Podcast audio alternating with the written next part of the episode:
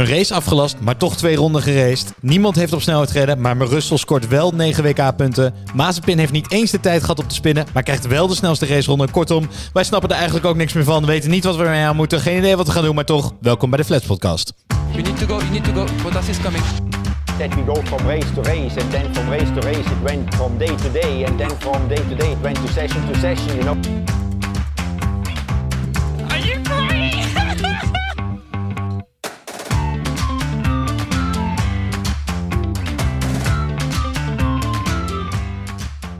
Ja, hallo allemaal en welkom alweer bij de twaalfde aflevering van de Flats Podcast, waarin de meest amateuristische experts van Nederland je bijpraten over de zin en vooral onzin van afgelopen Grand Prix van Spa, die de boek ingaat als de Grand Prix die nooit verreden is.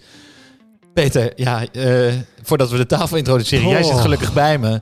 Ja, Wat doen we hier eigenlijk? wat doen we hier eigenlijk? Nou, laat ik dit zeggen. Dan denk je alles te hebben meegemaakt in één seizoen en dan krijg je dit. Denk je dat je alles hebt gezien, alles hebt gehoord, Nou, ja. alles hebt meegemaakt? Nee, ja, klopt. Maar we zitten hier wel. Ik, ja, we, we hebben toch voor gekozen, Bram, om een podcast te maken. En ik sta daar volledig achter, want er is wel weer genoeg gebeurd. Ja, we Het hebben is- nog wel... Het is zo'n bizar weekend geweest. Je kan er toch wel weer een boek over schrijven. Dat klopt. We hebben ook nog wel een discussie gehad in de aanloop naar deze. Ja, Ja, gaan we die race nou wel of niet? Want de race is nooit gereden, dus waar gaan we het eigenlijk over hebben? Alle randzaken. En daar zijn we ook goed in. Dus daar ligt dan ook wel weer de kracht van deze podcast. Daar kunnen we dan een beetje uitdiepen. Jij, hebt- ik moet zeggen, we hebben toch nog wel wat puntjes gevonden in die race. Gaan we ook aan bod laten Zeker. komen. Maar eerst, waar is Pien? Waar is Pien inderdaad?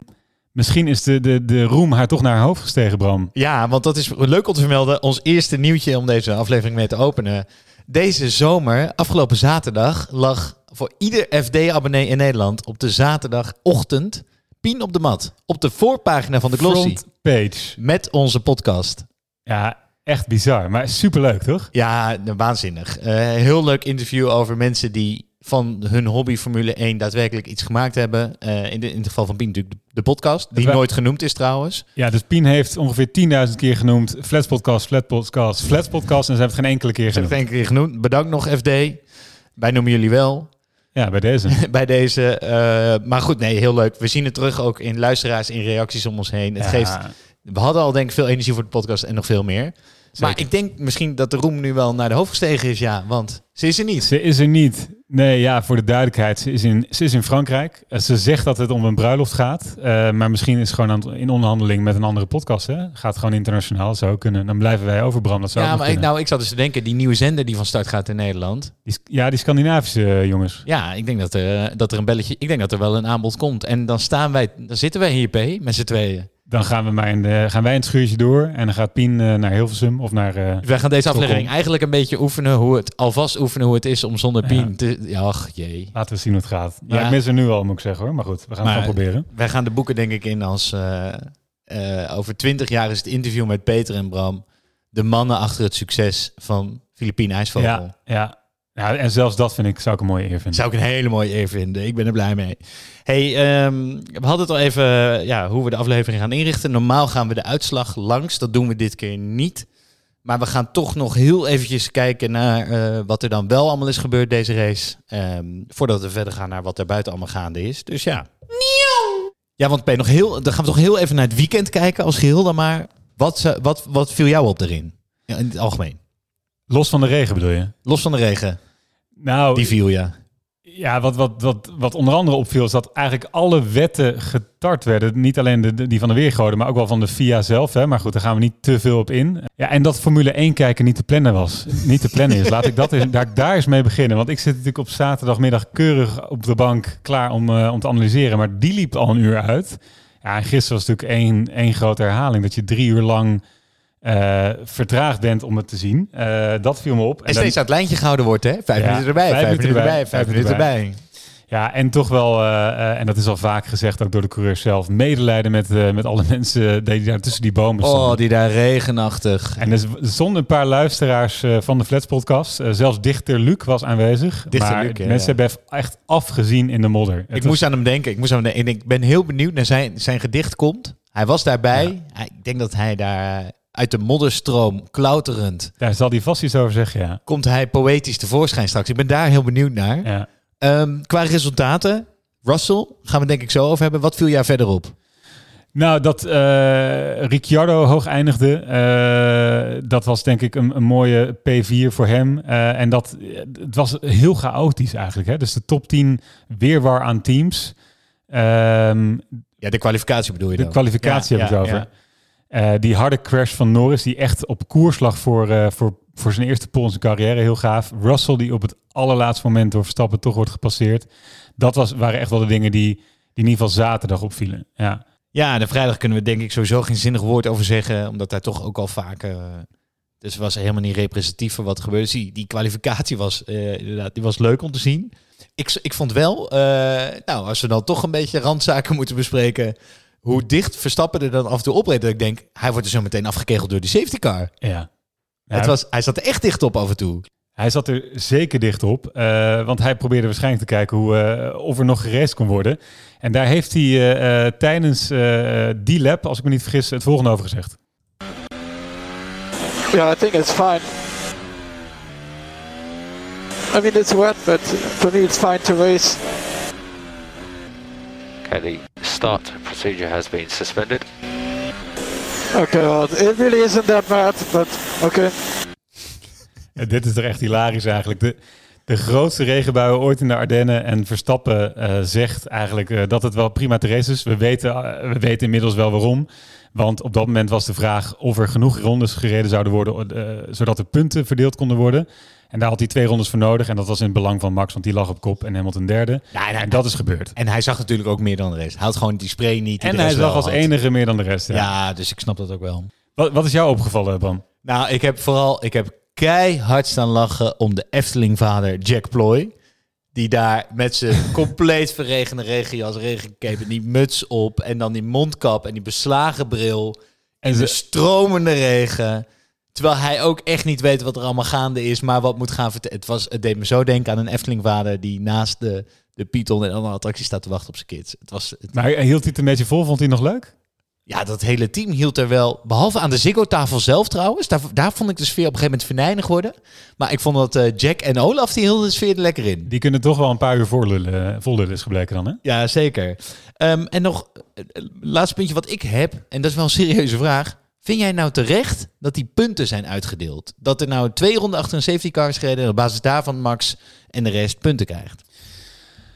Ik ben geneigd om te zeggen ja, maar dat doe ik dan op het vertrouw- vertrouwen dat er een oprechte poging is gedaan om te racen. Snap je? Dus ze hebben volgens mij echt drie uur lang gezocht naar een, een window om toch te gaan racen. En ik begreep eigenlijk wel dat ze dat, ze dat doen.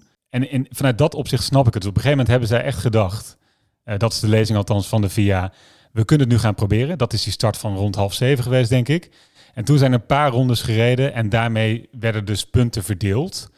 En ik snap dat dat gebeurd is. Of, Ja. of vraag jij mij of ik het eens ben met die regel? Dat, Nee, ja, dus ik snap dat de regel juist is toegepast. Maar ik vind het wel, ik vind het compleet een nonsens. Het is voor mij alsof je een voetbalwedstrijd gaat spelen. De warming-up doet met twee teams. De wedstrijd dan cancelt. Maar op basis van de warming-up gaat bepalen wie dan de winnaar van de voetbalwedstrijd zou zijn. Ja, dus jij vindt een kwalificatie op zichzelf is, is niet genoeg om, om dit te gaan doen? Nee, Vettel die zei het achteraf. En ik ben het compleet met hem eens. Eh, als wij punten willen toekennen voor kwalificatie, dan moeten we dat gewoon doen. Maar de punten worden verdeeld op een race. En Ja. er is niet geraced. We moeten door. Ja. En dus het stomme is dat wij... eh, de, de, de- daar hoor je dan weer minder over in Nederland, heb ik het gevoel. Want Max heeft, Max heeft zijn voordeel ervan. Als Lewis dit was overkomen, had de wereld in de fik gestaan. Ja, ondanks en, de en regen. dat is inderdaad wel goed om te benoemen, eh, ook voor de Nederlandse luisteraar. Er is nogal veel pech geweest voor Verstappen voor de zomerstop. Maar dit is wel een, een zou je kunnen zeggen, een gelukstreffer. Ja, mega. Heel risicoloos vijf punten inlopen. En eh, nee, ik vind het absurd. Er is niet gesport. Er hadden wat mij betreft geen punten uitgedeeld mogen worden. Ehm, Alonso had het over early Christmas, hè? Er zijn cadeautjes uitgedeeld, zei hij. Dus iedereen in de top 10 heeft gewoon een early eh, Christmas present gehad. ja, het is, ik snap ik wel. Hij, is ook, hij werd dan elfde, dus het is voor hem ook wel lullig. Ja. nou ja, maar goed, ik eh kijkende naar de regels, maar goed, die zijn genoeg vervormd afgelopen weekend. Snap ik dat ze de baan op zijn gegaan en daarmee zijn er dus twee rondes gereden. En ben ik het dus ook wel mee mee eens dat de punten zijn verdeeld. Maar ik snap ook absoluut jouw sentiment. Ja, het brengt me wel op de lekenvraag van de week.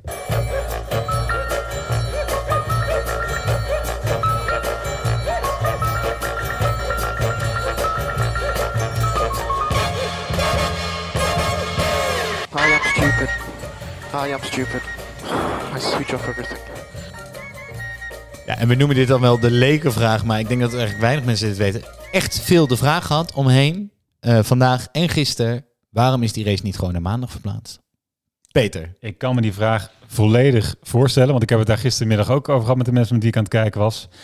En er is zo'n lange lijst met redenen eigenlijk die je kan bedenken.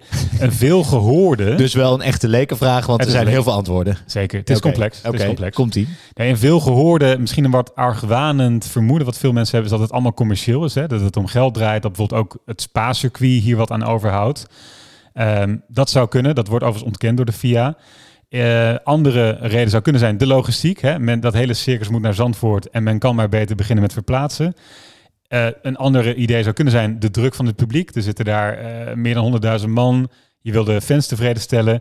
Maar een argument dat je misschien niet had bedacht en die toch ook wel relevant is hier, is dat er best wel veel vrijwilligers rondom zo'n baan staan. Dus je moet je voorstellen dat veel van die marshals langs de baan, diezelfde mensen die aan het de Boele waren, die zijn vrijwilliger en die moeten morgen werken. Dus de vraag is ook maar of je het organisatorisch voor elkaar zou hebben gekregen. Ja, en ik geloof wel, de, gewoon het circus, het, het, het apparaat dus om de Formule 1 heen is volgens mij gewoon veel en veel groter dan mensen misschien doorhebben.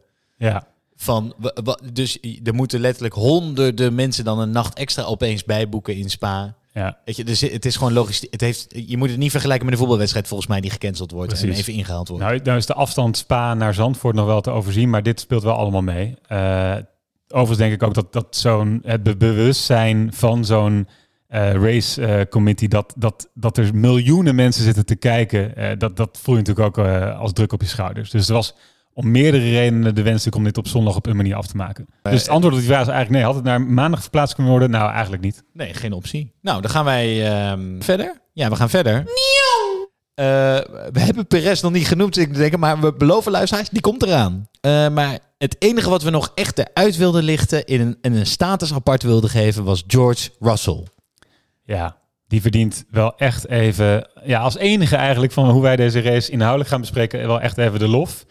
Ja, maar we hebben gewoon te veel superlatieven gebruikt in eerdere aflevering. Ik, heb, ik weet niet meer hoe ik moet omschrijven hoe bijzonder het is dat hij P2 pakt, toch? Hij, wij hebben hem omhoog geluld eigenlijk in de afgelopen weken. Ja. Maar dit is bizar dat hij op het podium staat. En eh, een Williams op het podium, weliswaar door een niet-race die gereden is.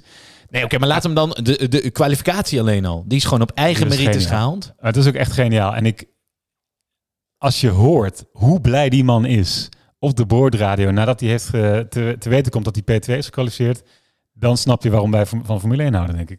George Russell. P2. Come on! Yes! Yes! Yes, guys! Oh my god! Amazing, guys! Amazing! Well done, everybody! Well done!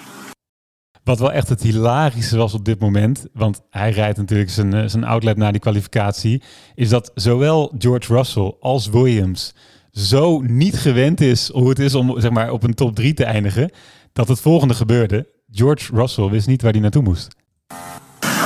Do we go to the grid? Where are we going? Are we going to the grid? Grid or pit lane? Grid or pit lane? That right? Grid or... Pit lane, pit lane. Ja, dat is toch Ze mooi. hebben geen idee. Die heeft geen idee waar hij naartoe moet. Die zet normaal zijn auto achteraan in de parkeerplaats bij, eh, bij de bezoekers van de race. En nu mag hij opeens naar de top 3 voor alle interviews naar die kwalificatie, maar hij had geen idee. Hij had ge- hij heeft Mooi, ook- toch? Ja, schitterend. En ehm, ja, hij, neemt, hij mag natuurlijk... Hij, het verhaal wat er natuurlijk bij is dat hij wel iets meer risico kan nemen. Want hij heeft echt helemaal niks te verliezen. Hij start in principe achteraan. Dat zie je in de regen. Plus gewoon ultieme skills dat hij hem naar Zeker. voren stuurt. Dat Max het er lastig mee heeft.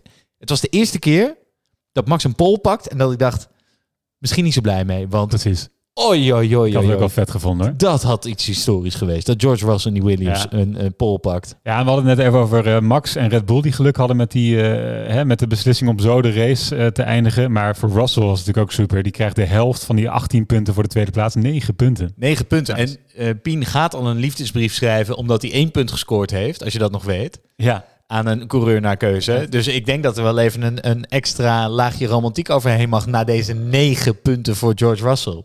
En over Pien gesproken, een kleine verrassing hebben we op dit moment voor de luisteraars in petto. Want ehm, ja, eh, Pien heeft de, de vaste rubriek buiten de baan. Die is misschien een beetje gek na deze race, maar we gaan hem toch even instarten en kijken of we er aan de telefoon kunnen krijgen. Even bellen.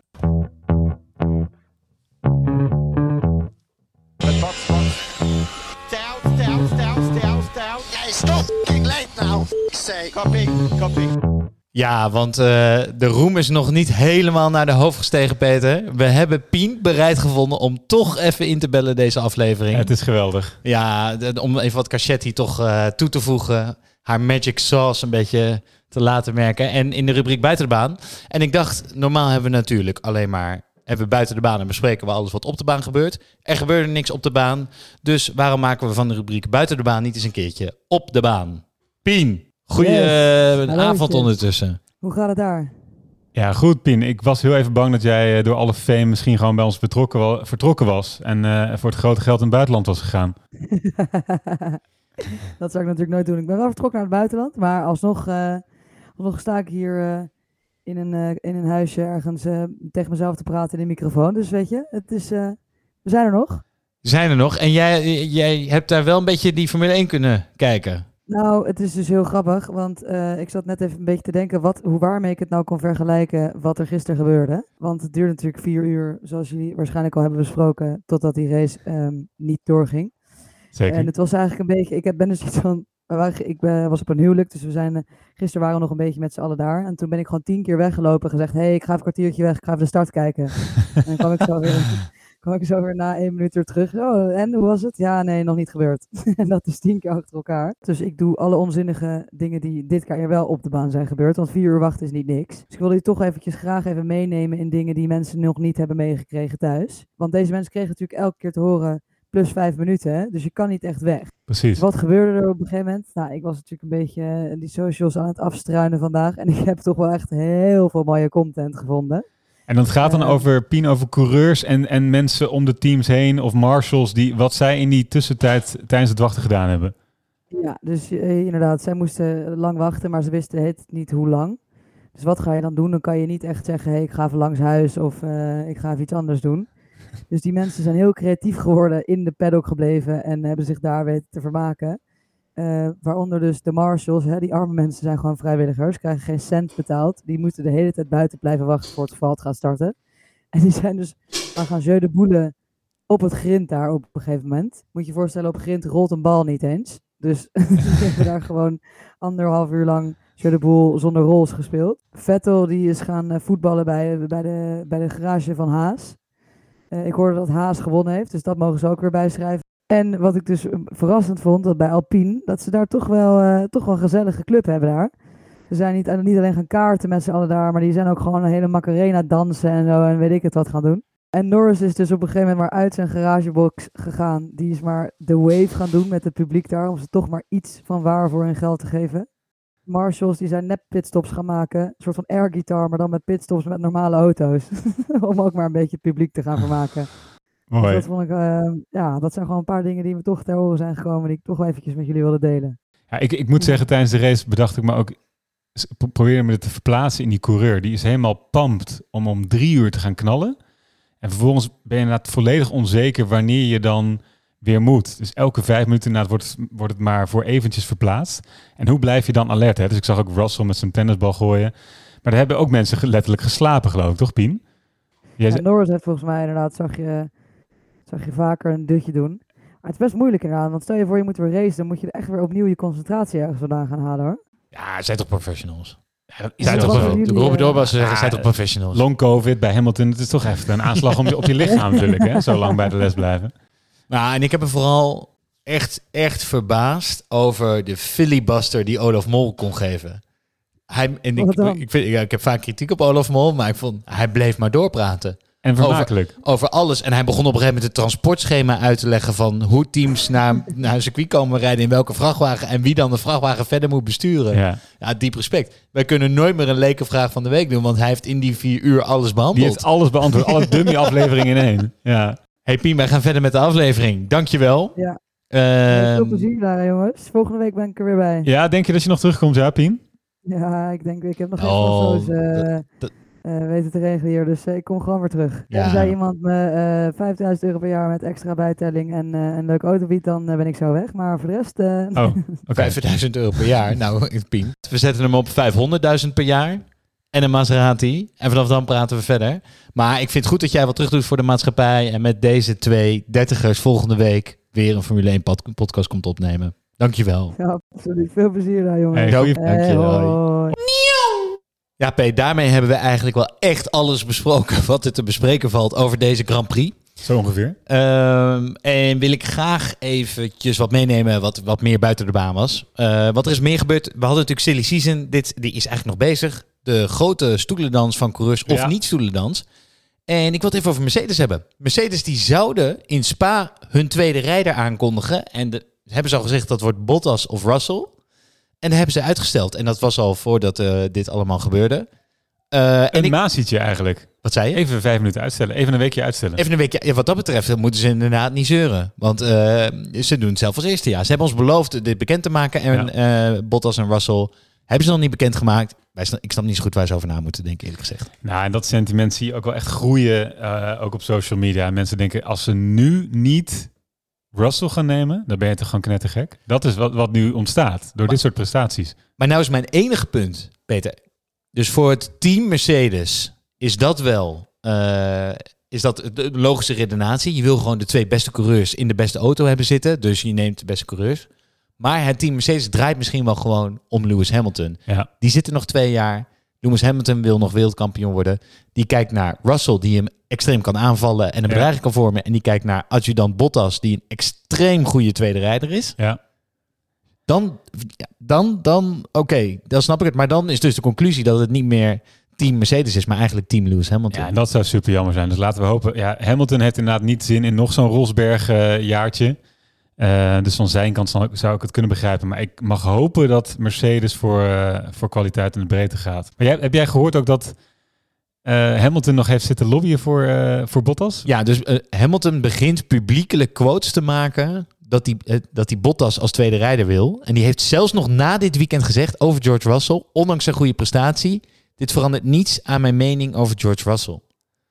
Dus, En dat, ja goed, al die quotes worden uit hun verband getrokken hoor. Dus het zal best wel dat hij genuanceerder is. Maar hij, heeft, hij is wel aan het door laten druppelen. Ook Bottas heeft gezegd dat Hamilton tegen hem heeft gezegd dat hij liever Bottas heeft. Ja, oké. Maar dat, het belangrijkste zou toch Toto Wolf en, en, de, en de baas daar met Mercedes moeten zijn, zou je zeggen? Hè? Ja, maar misschien is die dus wel groter dan een team. Maar fijn, we wachten het af. Ik ben benieuwd of we dan over... eh, misschien in Zandvoort. Nou, dat zullen ze misschien niet doen. Een- Een bekendmaking in Zandvoort. Waarom niet? Ja, een Nederlandse Max eh, Grand Prix. Gewoon doen. Ja. En dan sneeuwt hij juist onder in het Nederlands geweld. Zou Leuk. kunnen. ja. Nou, we gaan, eh, we gaan even door naar iets... Een andere tweede rijder. Peter. Checo Perez. Ja. Ja, Bram. Nou ben jij vrachtwagenchauffeur. Ja, vind ik mooi. Nou heb jij net het eerste jaar bij je baas gehad. En was een moeizaam jaar. Je hebt af en toe schade gereden. Een keer de aanhanger beschadigd. Een keer de cabine beschadigd. En je bent eigenlijk best wel met knikkende knieën naar je evaluatiemeeting aan het stappen. Waar jouw baas zegt, Bram luister, ehm, ik ga je nog één kans geven. We geven je nog een jaar contract. Maar dan gaan we vanaf nu alles verbeteren en alles gaat anders. Op dat moment zeg jij ja en aan mijn baas. Je loopt de deur uit, je stapt in je wagen. En nog voordat je goed en wel op de weg bent, rij je op je eigen oprit de, zeg maar, tegen de auto van je baas aan. Dat is min of meer, vergezocht misschien, wat er met Perez gebeurd is dit weekend. Die is er gewoon op zondagochtend als eerste ding wat hij praktisch deed nadat hij, eh, nadat hij contractverlenging heeft gehad bij Red Bull, is hij toch Slaat hij rechts schaamteloos een kindersfout begaan. Dat is toch eigenlijk wat er gebeurd is? Ja, het, is, eh, het is onvoorstelbaar, ja. Ja, en goed, het is, het is natuurlijk niet... Ja, zou het gelinkt zijn aan die contractverlenging? Dat hij gewoon zo in die auto, weet ik veel, anders erin Nee, zit? maar ik denk wat, wat zij vooral zouden hebben willen bereiken, is gewoon een, een, een morale, een morele boost aan, aan Perez te geven. Oké, hier is je contractverlenging en vanaf nu hopen we dat je weer wat beter doet. Want nu heb je zekerheid. Maar het tegenovergestelde is gebeurd. Want zijn kwalificatie was niet super. En op zondag rijdt hij dus voor de, voor de duidelijkheid in de formatieronde. Dat is dus wat anders dan de warm-up lap. Ja. Het is gewoon de, het rondje wat je moet rijden om vanuit de pitstraat een rondje te rijden en vervolgens op de grid op je startplek plaats te nemen. Dat is het enige.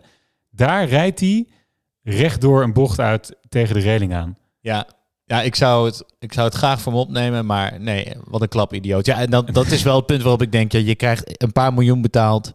Je zit als een van de twintig mensen ter wereld in dat stoeltje. Ja, Je mag toch wel echt verwachten dat je hem naar de grid toe Het is stuurt. wel een hele zure timing ook voor, eh, nou, voor hem, absoluut. Helmut Marko was er ook niet zo blij mee, geloof ik. Nee, ik denk, nee, maar niemand. Wat een, nee, maar echt wat een fout. Maar het werd mij wel even duidelijk wat de hypocrisie van de Nederlandse pers is. Want vorig jaar maakt Max Verstappen exact dezelfde fout. Exact dezelfde in Hongarije. Ja. Toen zat er veel meer spanning in die studio. Komt hij nog terug? Kon Max zelf terugrijden? Konden ze hem maken? En hij werd uiteindelijk nog tweede. Dus eh zwaar. Maar je moet, ik, ik heb het niet kunnen vinden, namelijk die, die studioreactie toen en nu. Maar nu werd echt, het Doornbos trok alle registers open. Terecht over Perez, wat voor idioot het is. Maar dat was echt niet zo een jaar geleden toen Max precies dezelfde fout maakte. ja, klopt. Dus wat je eigenlijk wil zeggen is dat er een stukje nationalisme ook in de journalistiek in Nederland eh Ik, ik wil eigenlijk zeggen dat wij de enige objectieve pers te vinden zijn. Zeker zo rondom Zandvoort over de Formule 1. Oké, nou, ik weet niet of ik mezelf eronder schaar, maar als jij jezelf als objectief ziet, dan eh, geloof ik je direct. Nee, maar serieus. Dus het, het- goed, het feit dat Max... want Max is denk ik wel een van de beste coureurs. Ja, niet alle tijd. Ja, dat moet hij nog bewijzen. Maar echt een hele goede 1 is het ook overkomen. Dus het, het kan je overkomen. Ja, zeker. Maar het ziet er... Het is de timing, dat is het moraal van mijn verhaal. De timing is zo ongelukkig na je contractverlenging. Ik, hoop dat hij, ik hoop oprecht dat hij het snel beter gaat doen. Ja. Oké, en zijn timing is slecht. En mijn timing ook trouwens. Want we zijn al lang en breed aangekomen bij dit punt. Eh, en een vraag voor jou, Peter. Weet jij wie Caio Collet, Christian Lundgaard, Oscar Piastri en Guanu Zhao zijn? Dit is een gewetensvraag, want Ja. ik heb hier toevallig van één van die namen heb ik gisteren gehoord. Maar laat ik gewoon eerlijk zeggen, eergisteren wist ik het niet. Oké. Dus vertel. Nou, dit, dit zijn ook allemaal namen die je waarschijnlijk nooit gaat leren kennen. Want al deze jongens zitten in de Alpine Academy. Oftewel het juniorenprogramma van Alpine. Ja. Maar die gaan geen stoeltje krijgen. Want Alonso heeft zijn contract een jaar verlengd. Is dit weekend bekend geworden. Bizar, hè? Ja. Wel, ja, aan de ene kant vet voor Alonso. Maar dit, het gevolg wat jij noemt, vind ik wel een, vind ik wel een terechte. Want die gasten gaan nu bij Alpine althans niet doorbreken. Nee, je- je zit naar Alpine te kijken. Ocon heeft drie jaar getekend. Alonso eh, gaat maar weer door. Ja, waar moet je heen? Ik, ik snap het, weet je wel. Dus niks ten nadele van Alonso. Hij heeft, bedoel, hij heeft onze harten gestolen Zeker. in, in Hongarije. Echt waar. En dat blijf ik onthouden. Maar het is wel, het is wel oneerlijk aan Formule 1 hoor. Dat die, dat die jonge rijders nu niet door kunnen breken. Ja, en dan krijg je ook nog een stukje politiek dat Alpine niet zoveel satellietteams heeft zoals Mercedes dat zou kunnen hebben van elders onderbrengen. Dit is, dit is voor deze jongens inderdaad wel echt, eh, echt een probleem. Ja, en meer kunnen we eigenlijk ook niet over zeggen. Nee. Dus, eh, Maar goed, dat was wel het nieuwtje wat mij opviel. Dat Alonso toch weer eh, verlengd heeft. Wel gaaf. Hey, we hebben het al heel even over gehad. Dichter Luc.